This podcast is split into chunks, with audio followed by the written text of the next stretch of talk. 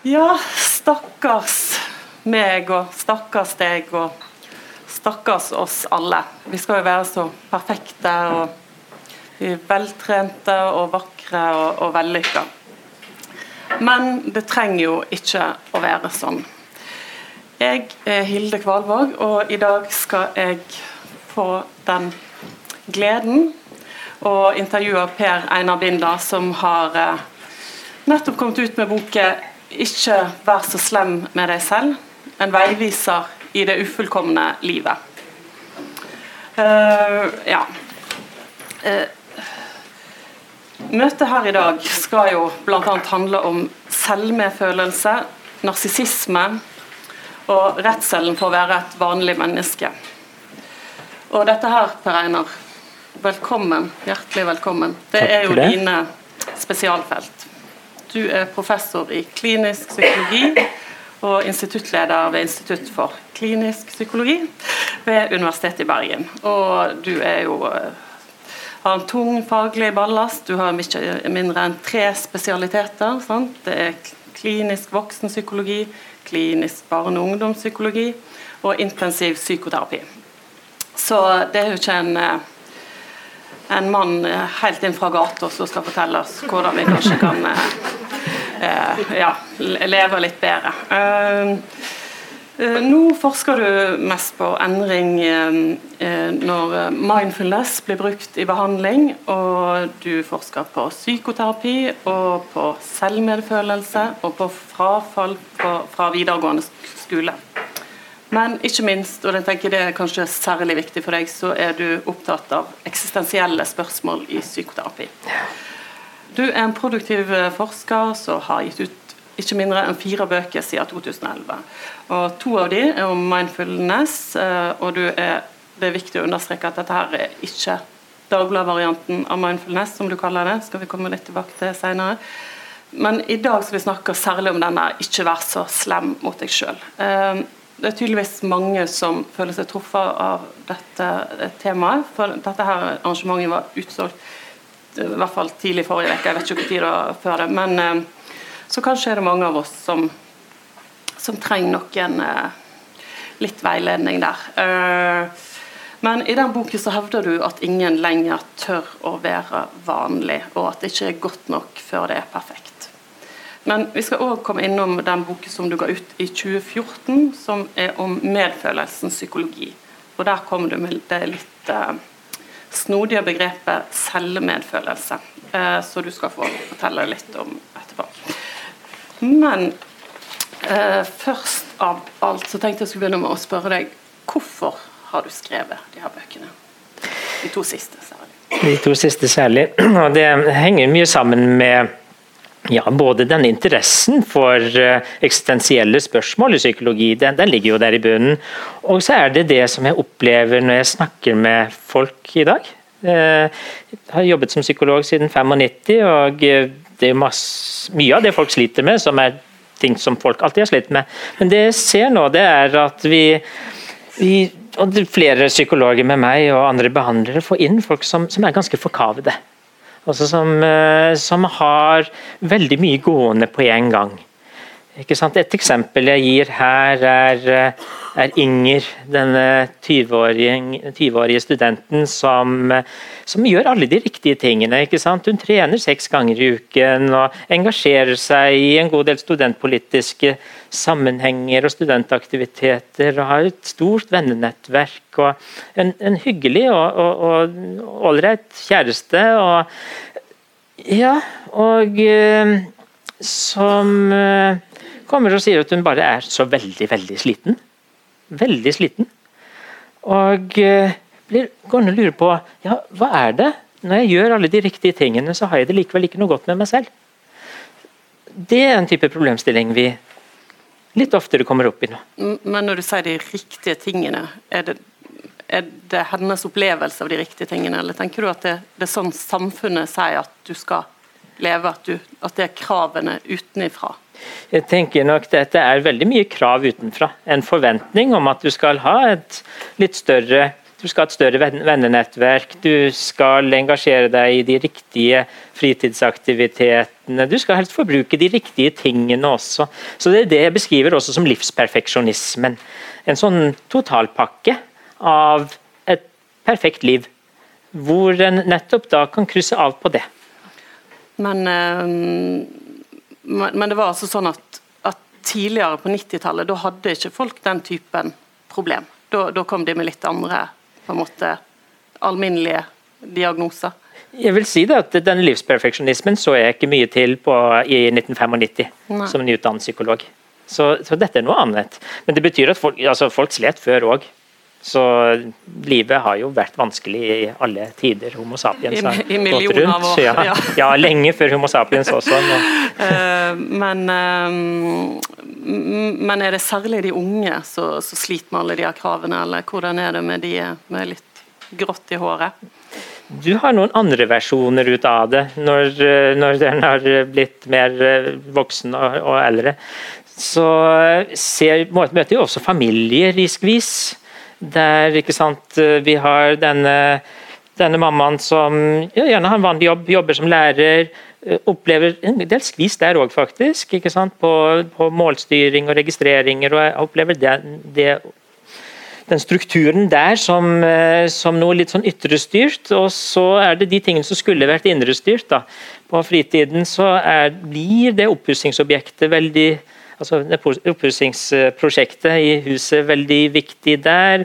Og så blir det noe som dreier seg om barna og bekymringer rundt sønnens mattevansker, som egentlig ikke er mattevansker, men som betyr at han egentlig er vanlig i matte, men faren er revisor. Sånn at det blir på en måte litt annen noe annet over det å være vanlig der. ikke sant? Og så er det denne, denne datteren som de lurer på kan være hyperaktiv. for hun på en måte virrer litt rundt overalt. Og så er det denne pappaen som ikke syns at penger egentlig er så veldig viktig, men så har de jo kjøpt dette huset og denne hytten som er ganske ikke sant, Man blir litt sliten av å snakke om det òg. Altså det, er, eh, det er veldig mye, da. Eh, og eh, det er en annen form for skvis.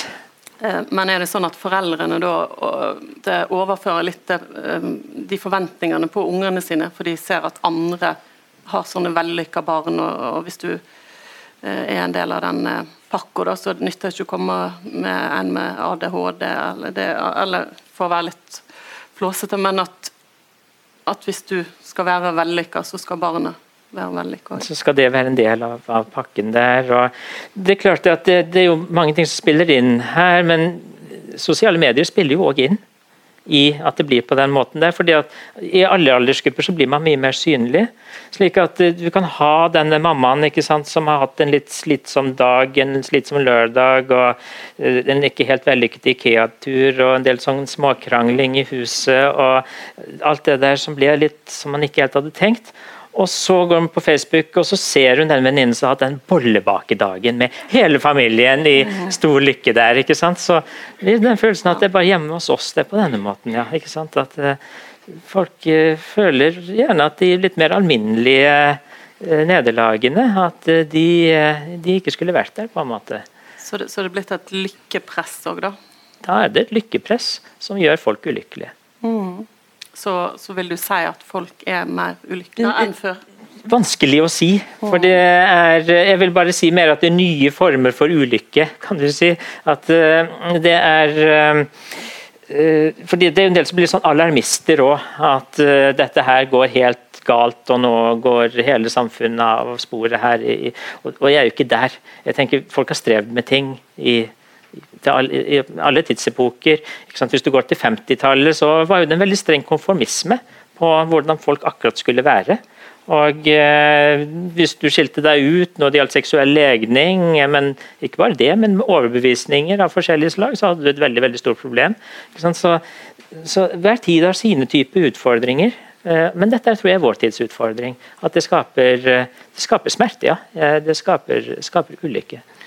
Men du har jo sagt til meg når vi snakket på forhånd at eh, og, det står jo òg i, i, den siste boken at du er, du er, skeptisk til den skrytekulturen. sant, og Lille venn, du er så enormt flink, og du kan bli hva du vil. Og, og, og selvfølgelig kanskje det der med likes på Facebook og sånn, men kan du si litt hva du tenker om den det du kaller for skrytekulturen?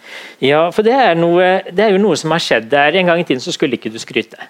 Altså det, det, det var ut av de ting du absolutt ikke burde holde på med. Eh, og eh, som eh, ga skam. Altså Hvis du skrøt, så, så burde du skamme deg. Sånn er jo det ikke lenger. Du, du skal skryte.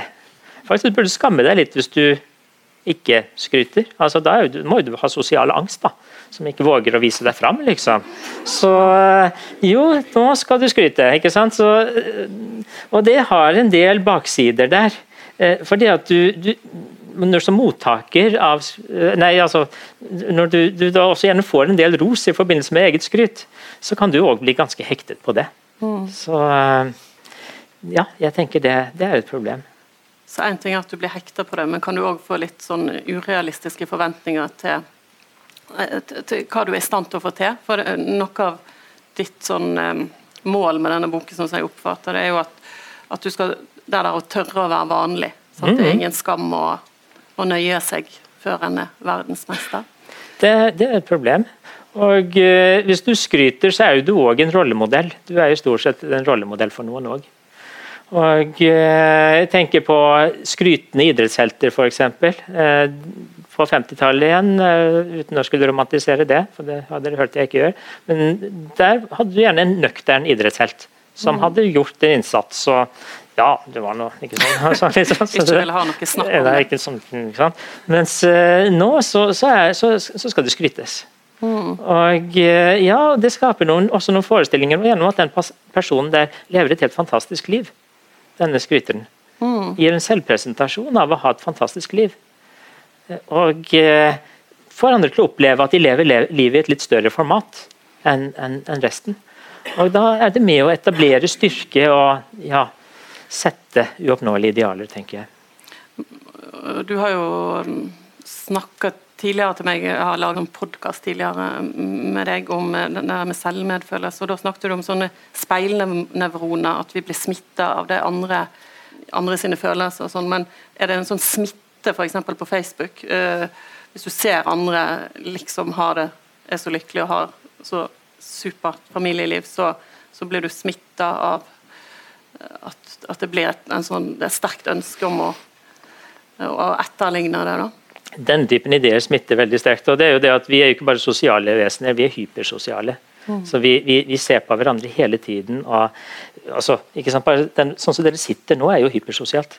Altså, dere sitter omtrent på samme måte, og på stoler og, og, og veldig velordnet. Det er En gjeng sjimpanser ville aldri, selv om de er sosiale, kunne sittet på denne måten her. Så det har noe med måter vi innretter oss på i forhold til hverandre. Så, og Der er vi, vi er ekstremt sosiale. Så vi, vi tar til oss ja, verdier, ideer og også visjoner om hvordan livet til, til, andre mennesker skal være. Og lager en standard for, for eget liv på denne måten. Du, du sier òg litt om, om narsissisme i den eh, boka di. Og, og, og, det er jo litt skremmende at du sier at uh, det er enkelte forskere som sier at vi nå ser konturene av en narsissismeepidemi. Kan du si litt om det?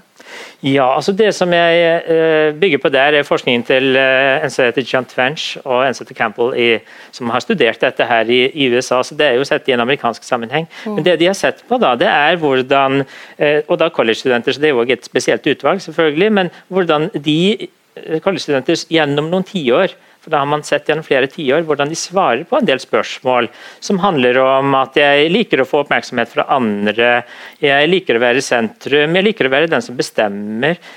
Og en del som for så vidt kan være greit å like å få oppmerksomhet osv., men likevel den som bestemmer, ja, da begynner vi å lure litt. Jeg kan gjerne manipulere andre for å nå visse mål. Og så viser det seg at folk svarer mer positivt på det. altså De, de har større tendens til å bekrefte det. Eh, etter hvert som årene går. Og det bare øker på. Og eh, selv om det er en litt spesiell gruppe osv., så, videre, så når vi ser at det er en mer individualistisk kultur rundt om, som ikke bare handler om USA. fordi NB amerikanere er jo like bekymret for dette her. Altså, mm. det, det, er de. De har jo også fellesskap som de er opptatt av. De begrepssetter det litt på andre måter enn enn vi europeere ofte gjør, men, men, de er jo bekymret. Så ja, og noe bekymringsfullt i det. Det er det fordi at En narsissistisk måte å være på gir deg relasjonsproblemer. selvfølgelig. Særlig En bit av det er jo å tenke at jeg har spesielle rettigheter som andre ikke har. Mm. Det tenderer folk til å svare mer bekreftende på. Det er ikke en bra ting. Det er ikke en bra ting. Nei, og i forbindelse med det så, så, er det jo kanskje verdt å nevne dette her med ekstrovert og introvert. For det er ikke så lett å være introvert for tida. Nei, det er jo en skuffelse, det. Mm. Når noen ender opp med å være introvert. Det er det. Litt midt mellom en skuffelse og en sykdom, på sett og vis. Ja. Så, og ingen av delene er jo helt hva en ønsker seg. Så uh, idealet er, er utadvendt, uh, sånn klar for mm. masse oppmerksomhet. Og mm. det, det, er det man vil ha i arbeidsdagen sin, og man vil ha det ja, Skoleelever skal helst være sånn òg.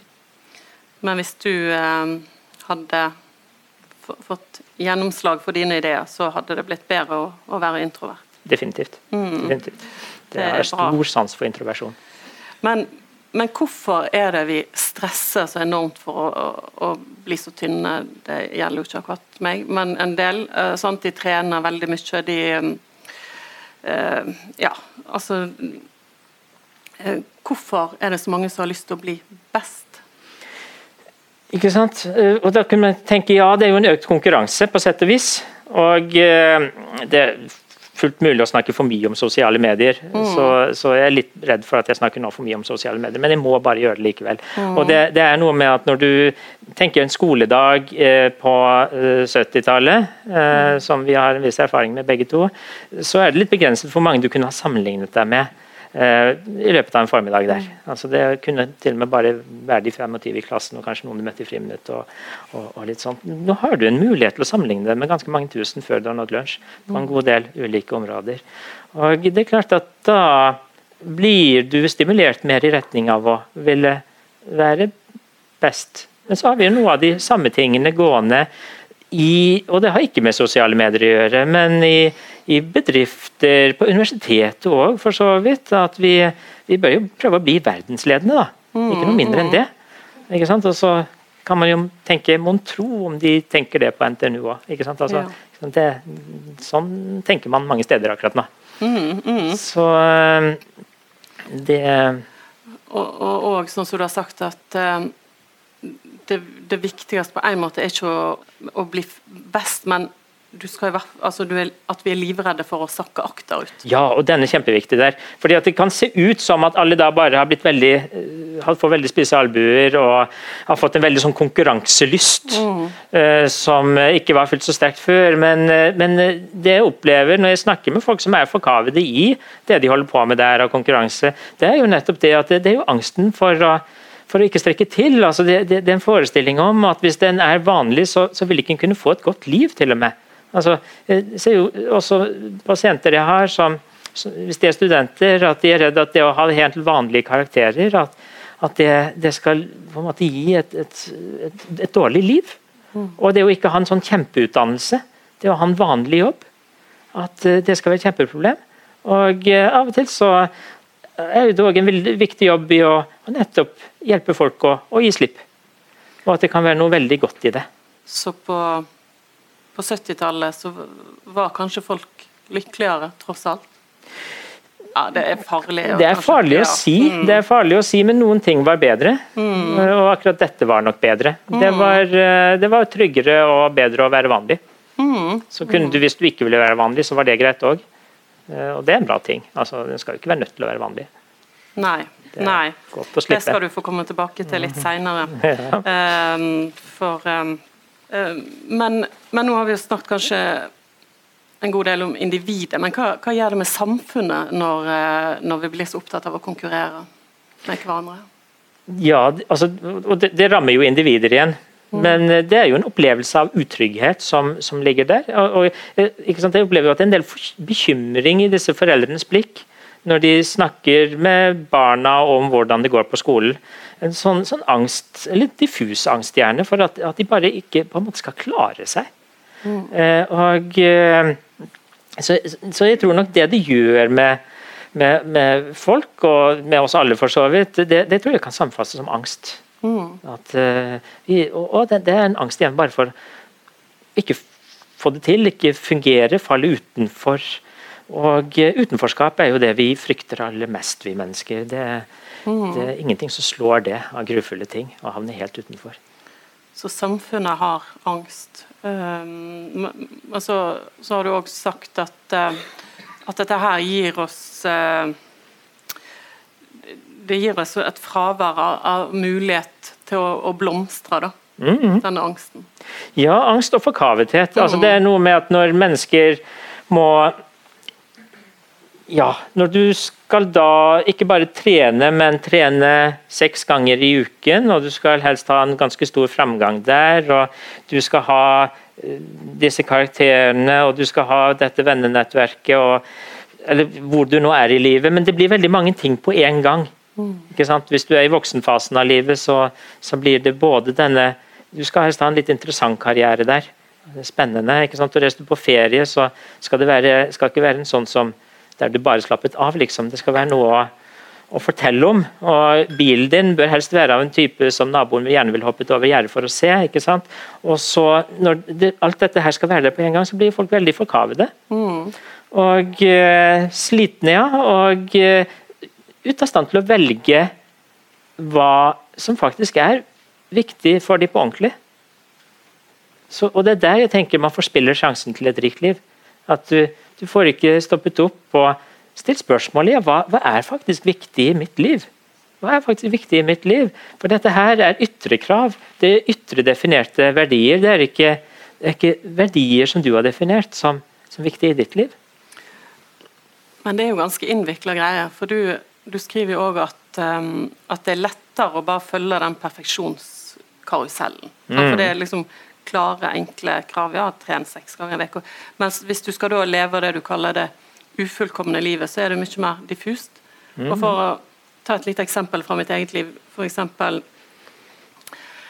eh, jeg er jo òg forfatter. Sant? Når jeg skriver en roman, hvordan kan jeg vite at jeg gjør det fordi at det er bra for meg, og at jeg eh, på en måte gir noe til samfunnet?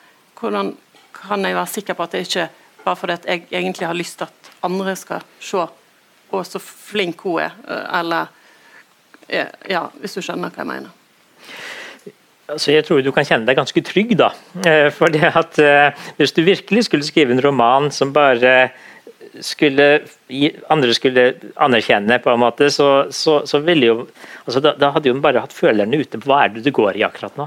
Og hva, hva er det for noe som kan slå veldig godt an, du. Og, og hele den der den, den, måten der å forholde seg på. Men det er klart at alt er jo litt begge deler. Mm. Altså, vi har lyst til å gi noe til samfunnet, men vi har jo lyst på en anerkjennelse for det òg. Altså, jeg håper jo folk synes det er en god bok. Det er jo noe av håpet mitt.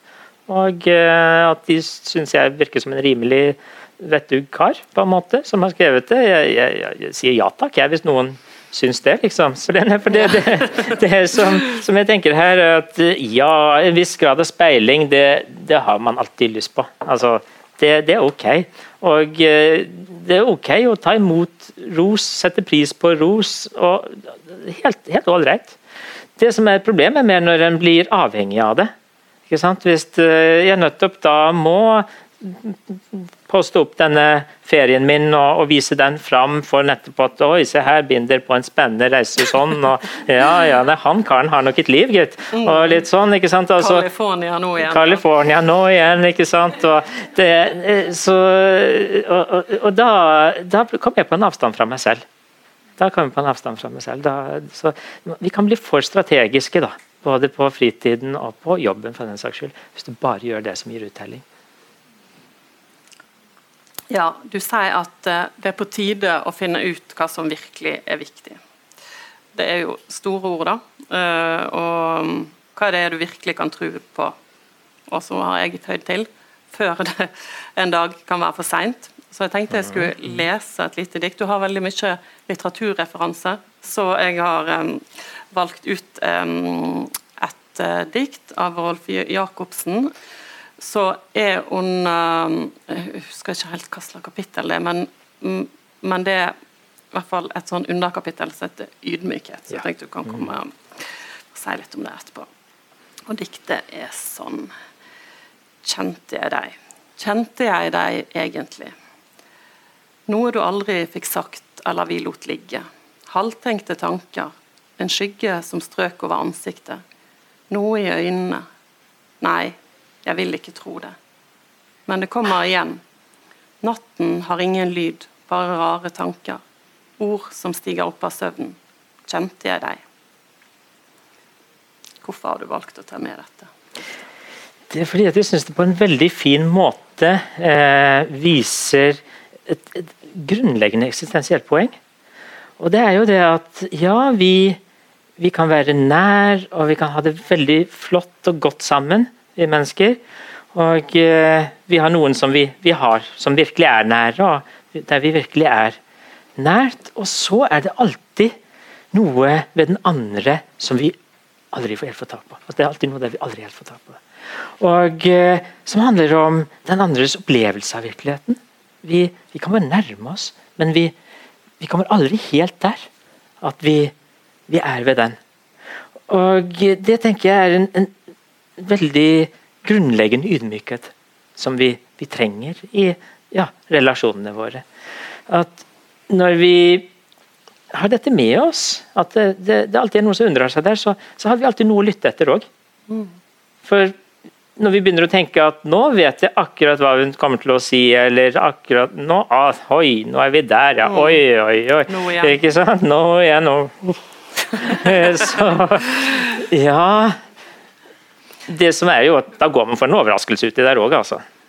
Det gjør man jo gjerne. Ja, ja, ja. Det kan være noe du ikke vil vite. Eh, men eh, man kan jo føye til at Rolf Jacobsen da skrev dette etter at kona hans var død. Ja. Og jeg tenker at, um, at det er på en måte kanskje en advarsel du gir oss òg, å Selv om det kan høres pompøst ut, så er jeg veldig sånn Jeg er helt med deg, for jeg føler at det er viktig for meg òg når jeg skriver litteratur. Sant? Altså, hva, hva er viktig i et menneskelig liv, og, og hvor tett kan du komme på andre? Og det er klart, hvis du, hvis du er så travel med alt du skal gjøre for å eh, nå et eller annet mål der framme, så, så får du ikke funnet ut hvem folk er.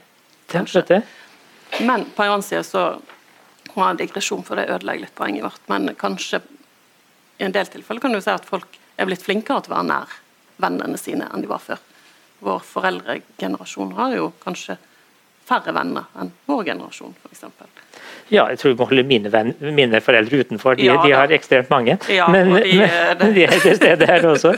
Så, men men du har, du har et, det er et veldig viktig poeng at vi er blitt gjennom tiårene mye flinkere å ha et vennenettverk, eh, også i, i Skandinavia. Eh, Så ja, det er en bra ting. Det er en bra ting. Den, jeg, hørte, jeg vet ikke hvor gammel den undersøkelsen var, men det var et tidspunkt der jeg hørte at den norske mannen hadde 0,7 venner, og det er jo i hvert fall 0,3 for lite. Eh, Så det, så det, det er nok en, en god del menn som, som mangler nære, nære venner i, i vår kultur eh, fortsatt, men, men jeg opplever at det òg er i veldig, veldig endring. Mm, mm. Så- ja, at folk sånn sett kommer nærmere hverandre. kommer nærmere hverandre. Og igjen, bare for å si en positiv ting om sosiale medier, så kan det òg bevirke at en møtes mer for analog kontakt òg. Altså at en Ja, ja. får eh, knytter forbindelser, knytter bånd. Um, men um, vi skal snakke litt mer om en liten stund om dette med selvmedfølelse. Men jeg tenkte vi skulle si litt om det med mindfulness. For um, når vi satt nede her i stad, eh, så um, sa du at um, visse typer mindfulness er litt verdiløse.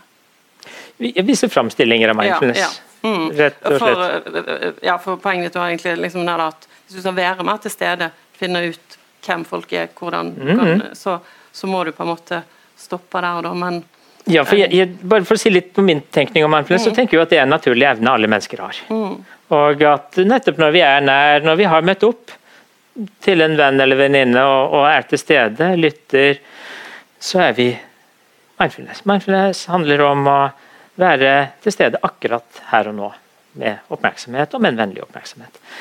Og eh, det betyr òg, hvis vi skal være oppmerksomme til stede her og nå, så kan det hende at vi skal være oppmerksomme til stede med noe som slett ikke er behagelig i det hele tatt. Altså, det er jo slik at Å være oppmerksom til stede, det betyr faktisk i, i ganske fæle dager også. Og at mindfulness i sin opprinnelse handler om at det er lidelse i livet. Og at vi trenger en måte å forholde oss til det faktum på. Og at vi forholder oss best til det ved at vi kan la det få lov å være der rett og slett. Så det, det, er noe av kjernen i mindfulness. Det er da jeg blir bekymret. Jeg, jeg kalte det vel eh, Dagbladet-versjonen, men det kan godt hende at de har hatt mye mye bedre versjoner av mindfulness senere enn etter det oppslaget jeg så. Så det kan hende at det var, var litt uheldig formulert. Men da var det en sånn fremstilling av mindfulness der det handlet om å ja, kjenne sansene sine på den måten at du kjente gresset under beina i i, under føttene sånn i, i, i, sommerdagen og ble så enormt lykkelig ut av det. Og, særlig på Vestlandet. Særlig på Vestlandet. Og eh, det, når jeg da har drevet mindfulness-grupper gjennom flere år, så ser jeg det at det første folk merker når de begynner å koble seg på kroppen her og nå, det kan rett og slett kjennes som litt dårlige nyheter. Ikke sant? wow! Oh, sånn var det. Ja, så det er rastløshet og det er litt sånn forskjellig. Og, og det er mindfulness, det òg. Det, det er å være oppmerksom til stede med, med eget liv. Men, men, hva tenker du de, dårlige nyhetene er da? At, uh, at, du ikke har tatt deg tid til å kjenne etter hvordan du egentlig har det, og, og det var ikke så bra som du trodde? Det, det, er nok det. At du kan hende at når du har kavet så veldig på, på jobben, og, mm. og på en måte bare sagt at dette er bare en periode, og det skal jo snart bli bedre, og, og, og alt dette her. At du da òg har hatt en, kanskje en del tristhet der som du ikke helt har adressert, og kanskje også en god del ensomhet der mm. som du ikke har adressert. Og om ikke annet, så Det er jo en del sånn fysisk ubehag òg, rett og slett. Å koble seg på kroppen igjen når du ikke har vært der på en stund. Og sånne ting har skjedd i mellomtiden. Så, Men er det så gale at folk på en måte er veldig lite i kontakt ofte med hva de føler. Er det ditt inntrykk?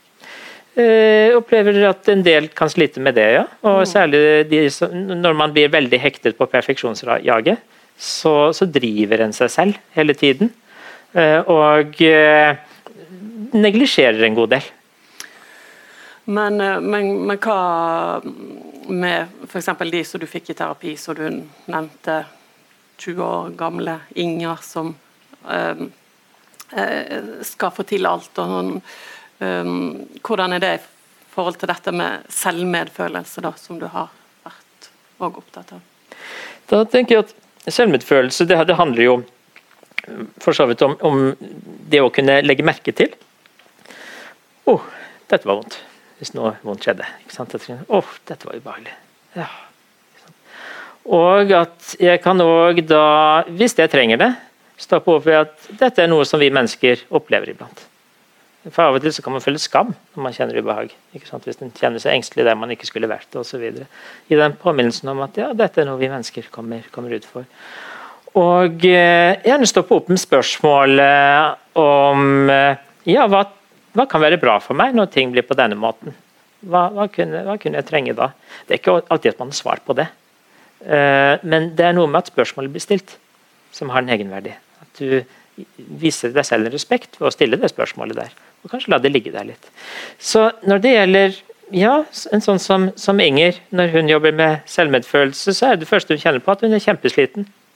Mm. Kjempesliten. Ja. Og hva trenger jeg da? Jeg er kjempesliten.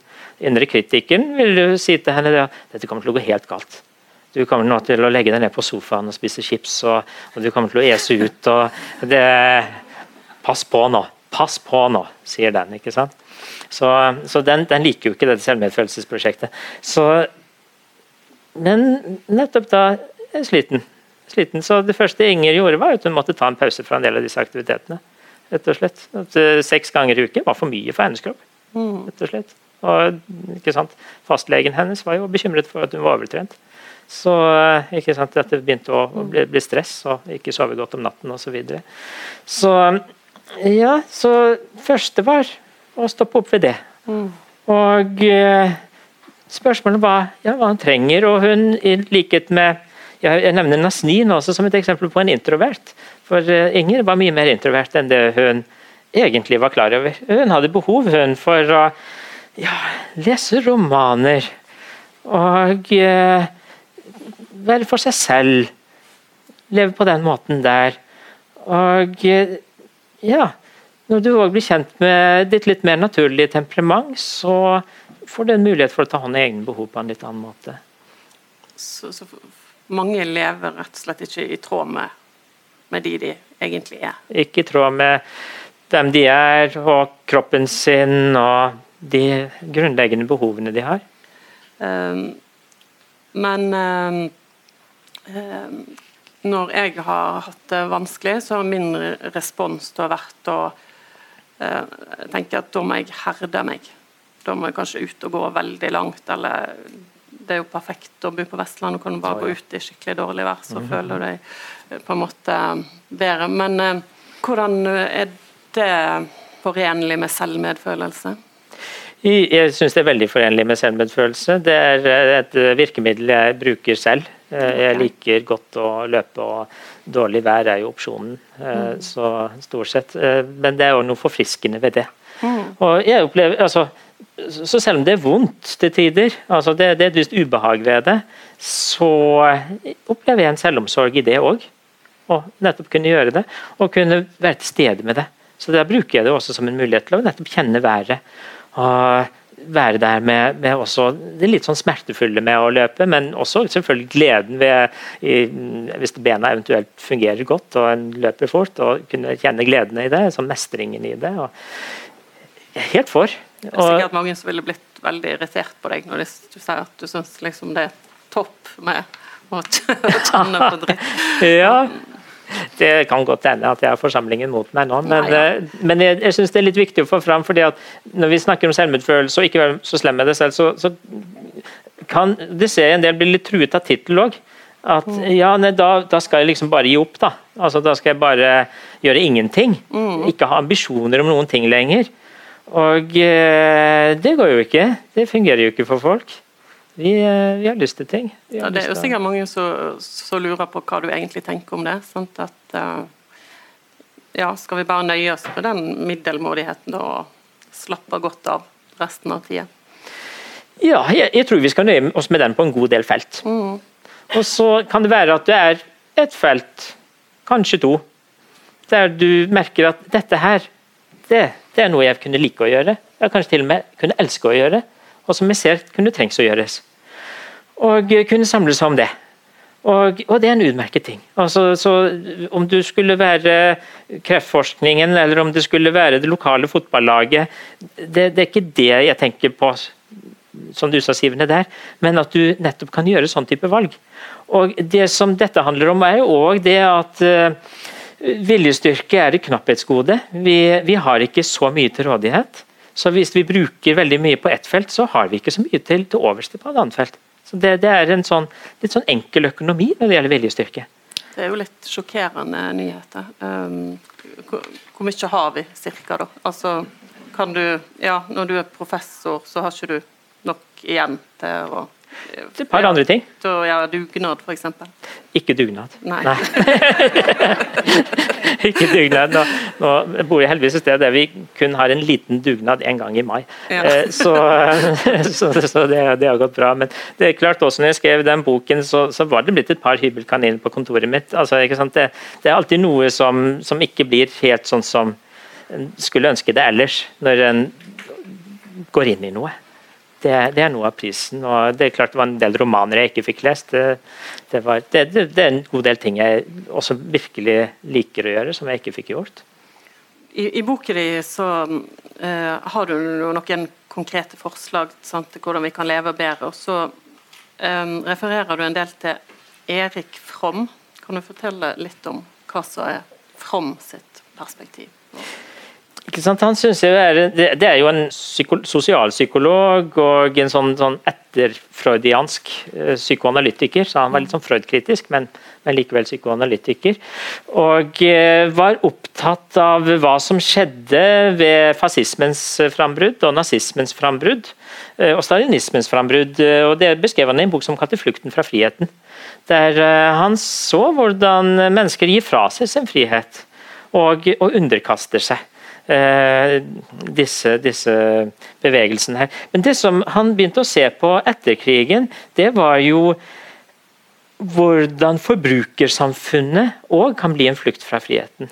At de behovene mennesker har for, for fellesskap og for nettopp å kunne gjøre valg som går litt på tvers, kunne gjøre noe som gir mening, kreativitet i deres liv, at, at det blir ofret på forbrukets alter. Altså når det gjelder å få de rette tingene. Det var det han ble, ble særlig opptatt av der. Uh, og uh, Han ble opptatt av hvordan det også kunne påvirke personligheten til mennesker. Så Han beskrev noe som han kalte marketing personalities, altså en sånn markedsføringspersonlighet. Der du går rundt og, og på en måte skal uh, selge et bilde av deg selv. på en måte Som den vellykkede, gli inn, være mest mulig friksjonsfri i sosiale samspill, bli likt osv. Så, videre. så jeg tror nok han hadde syntes det var eh, også spennende å analysere årtid, hvis han mm. hadde fått muligheten til det. Kanskje apropos alle de høflige unge som er så litt opprørske, men det er jo Du er jo, som du sa, heller ingen alarmist. Du går ikke rundt og jeg tror ikke ting går helt galt, jeg. Nei. Jeg tror faktisk ikke det. Sånn at, uh, men det, det, er noen ting her som som er litt bekymringsfullt, som skaper trøbbel i folks liv, og, som, eh, og en del muligheter for rike liv som, går, som ikke folk får brukt, rett og slett. Som jeg ble opptatt av. Når du sier at vi istedenfor å, å jage at det perfekte skal ha større medfølelse med oss sjøl, og vi skal kjenne liksom bedre etter hvordan vi egentlig har det, så er det da relevant å spørre om det ikke er en, bare en ny måte å sette oss sjøl i sentrum? Det er absolutt en fare. Altså Hver gang vi lanserer et ord med 'selv' foran, så retter vi fokus mot oss selv. Så, og Sånn er det òg med selvmedfølelse. Så den, den, er der. Men det som er med selvmedfølelse, det er det er samtidig en kollektivistisk komponent i det. Det er noe med at ja, vi, vi anerkjenner smerten for det den er. Den er der. Går an å forholde seg til. Så Det betyr ikke at vi skal legge oss over og, og gi opp, eller noe som. Vi kan godt stå på og holde på med ganske ubehagelige ting. Og forholde til at men dette var vondt, dette er ubehagelig. Ja, dette var ubehagelig.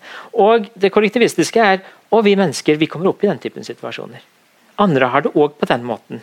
Og der har vi kan du si at Selvmedfølelsens litt sånn slemme fetter, det er jo selvmedlidenheten.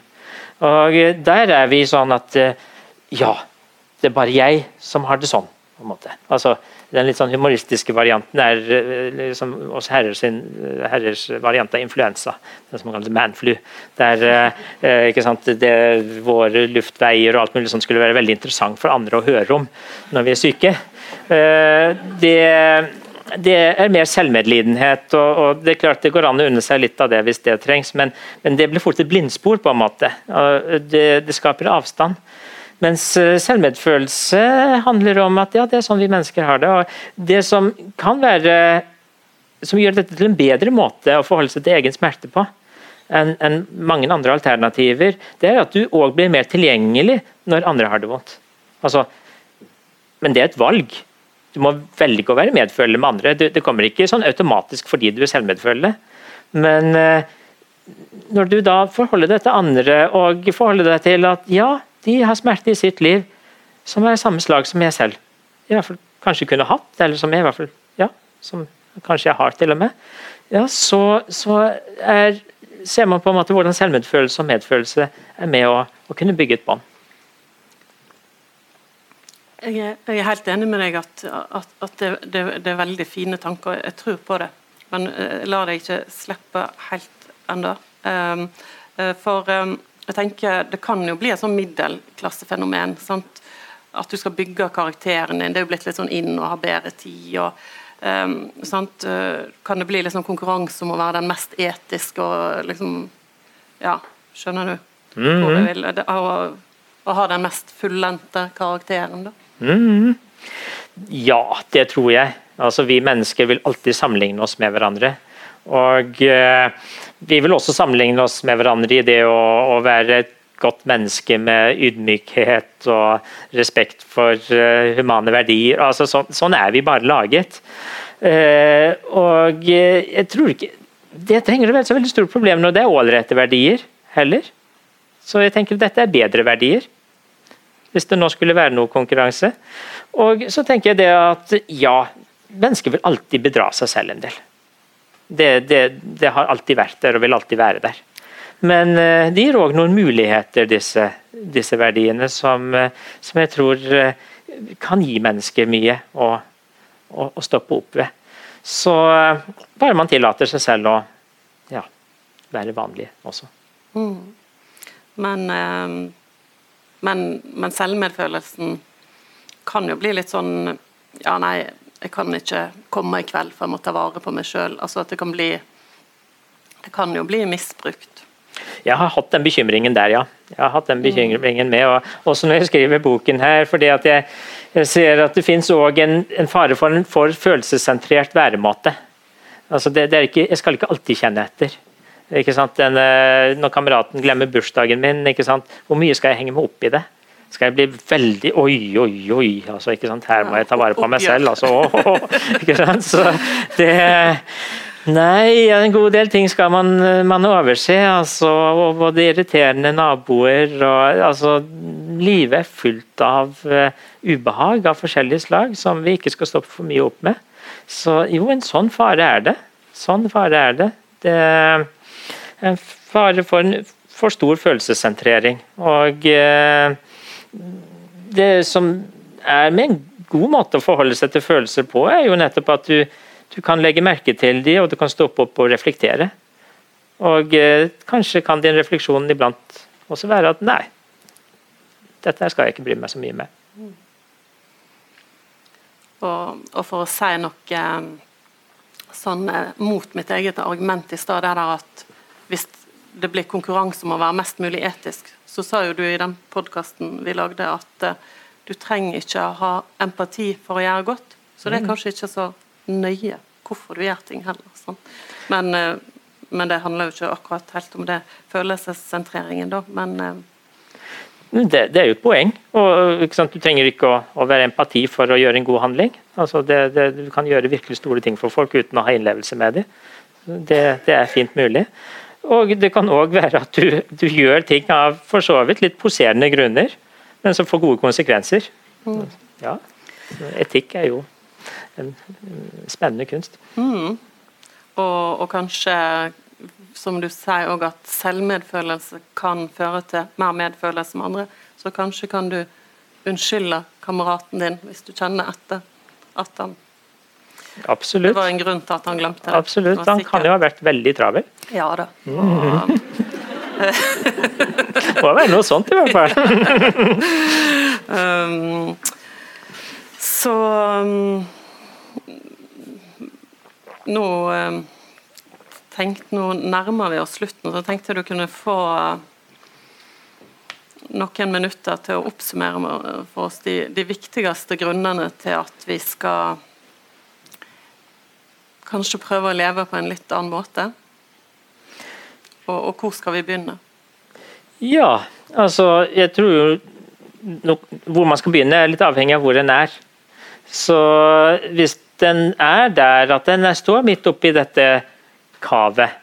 Og eh, der den har kommet litt inn i denne her med at dette er bare en fase, og nå skal det snart bli bedre og sånt. Og jeg merker jo at folk er jo der i alle livsfaser. altså sant, Studentene er der, men at de skal bare komme gjennom dette og skal ut den jobben. ikke sant, og Så liksom er folk der ja, som bare blitt videre i den jobben. ikke sant, og så, ja, så dette med partner, Bare få en partner, ikke sant, og så bare få de barna også. ikke sant, og Bare de barna flytter ut. og bare, ikke sant, og så Når jeg blir pensjonist, da skal jeg, og så blir det da Ja, ikke sant. Så det hektiske kan være der hele veien. ikke sant? Og da tenker jeg at det første er å stoppe opp og legge merke til ja, det livet jeg lever nå. Hva, hva gjør det med meg? Og Et fint sted å begynne er kroppen. Kjenne sansningen, kjenne kroppen. Og jeg har tro, veldig tro på særlig dette området av kroppen her, som jo er der vi ofte først kjenner følelsene. ikke sant? Der vi tristhet ofte kan ligge litt nedover halsen her og i brystet. og Klumpen i magen kan være både angst og stress, eller det kan være noe man har vært ganske frustrert over over tid, som ligger i kjeve og i, i hender. Men å begynne, begynne der med hvor jeg er nå. Kjenne, legge merke til. Og eh, så tenker jeg også da, og Hvis man har denne slitenheten, og legge merke til den. Altså det som er, for Nå var vi litt på at man kan være for sentrert om, om følelser, men følelser er en helt essensiell begynnelse uansett. Fordi at Følelser er det som forteller oss hvordan ting går i livet. Hvordan ting står til i livene våre. At vi, vi kjenner tristhet når vi har mistet noe. Da kjenner vi en sorg. Vi, vi kjenner glede når ting går vår vei. Vi kjenner sinne, frustrasjon. Ofte når noen har tråkket over grenser, som, som vi har. Eller vi har presset oss selv for langt over våre egne grenser. kan gi en frustrasjon. Så jeg har stor tro på å, å begynne der. Og eh, Det er ofte sånn i, lys av det at følelser er på den ene siden her, og så har du behov på den andre siden der. Når du er trist, kanskje du trenger å ta det mer med ro. Altså, det kan være det. Kanskje det Har du vært ensom med den tristheten en stund? Kanskje er det faktisk noen du hadde trengt å, å snakke med der. Og eh, Likeledes med, med sinne. Ja, kanskje er det noen grenser et sted som du ikke har forholdt deg til, som har blitt overtråkket. Så jeg tror på det som et, et godt sted å, å begynne. Men så, så, er jo det òg en sånn refleksjonsprosess som, er, som, er, uh, som munner ut i Og hva er viktig i mitt liv, da? Hva er viktig i mitt liv? Når jeg opplever disse truslene her om å ikke lykkes i det og det og det, ja, er det det som faktisk er viktig i livet mitt? Hva, hva er det jeg opplever faktisk betyr noe? Og som er i tråd med hva jeg kunne både ha lyst til å gjøre, og som jeg ser trengs å gjøres. Kanskje det er noen som kunne trenge en, en type innsats, eller kanskje det handler bare mer om meg selv og mitt eget liv. Men å kunne prøve å finne noe ut av de, de retningene der. De verdiene der. Mm. Og På den måten så bygger vi også selvrespekt. Selvrespekt er noe som vokser når vi handler i tråd med, med verdiene våre. Og det er der jeg tenker også at den Livsperfeksjonismen den bryter ned selvrespekten.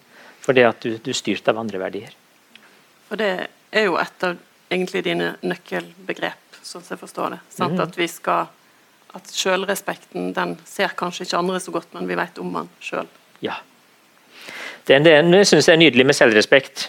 Den, eh, den kan du få når du gjør et valg som ingen ser. Når, til og med når du gjør en god gjerning som ingen vil legge merke til engang, så, så kan det gi deg selvrespekt. Og eh, jeg tenker også, Når det gjelder livsperfeksjonismen, så bygger vi også selvrespekt når vi sier nei, når vi står imot. At nei, dette er faktisk ikke så viktig. Dette er ikke så viktig. Dette skal ikke få bety så mye i mitt liv. Og så er det en grunn til, du mm. sa, til å ikke strebe så veldig etter å, å bli vellykka? Vet du hva jeg sikter til? Jeg trenger litt hjelp, så er det nok det. Nei, eh, jeg tenkte du hadde et sånn eksempel eh, i boken di. De som scorer så veldig høyt på alle parameter. Sant? Det er kanskje ikke de vi egentlig har mest lyst til å være i lag med. når alt kommer til alt. Det er akkurat det. ikke sant? Så du, du har denne fantastiske personen som du kan bli så, altså beundre så voldsomt, og som sant, har dette storslåtte, flotte livet. og ja, Som du kan beundre, men, men blir du glad i vedkommende? Når du bare ser de tingene? Det er klart det kan eventuelt bli glad, glad i vedkommende, men, men, da har du møtt en annen side ved personen også. Og Da har du gjerne også møtt på denne personens sårbarhet. At uh, vi trenger å kunne se hverandres sårbarhet òg når vi, når vi blir glad i hverandre. Så ja. Så der tenker jeg nettopp at den storslåttheten skaper en, skaper en avstand.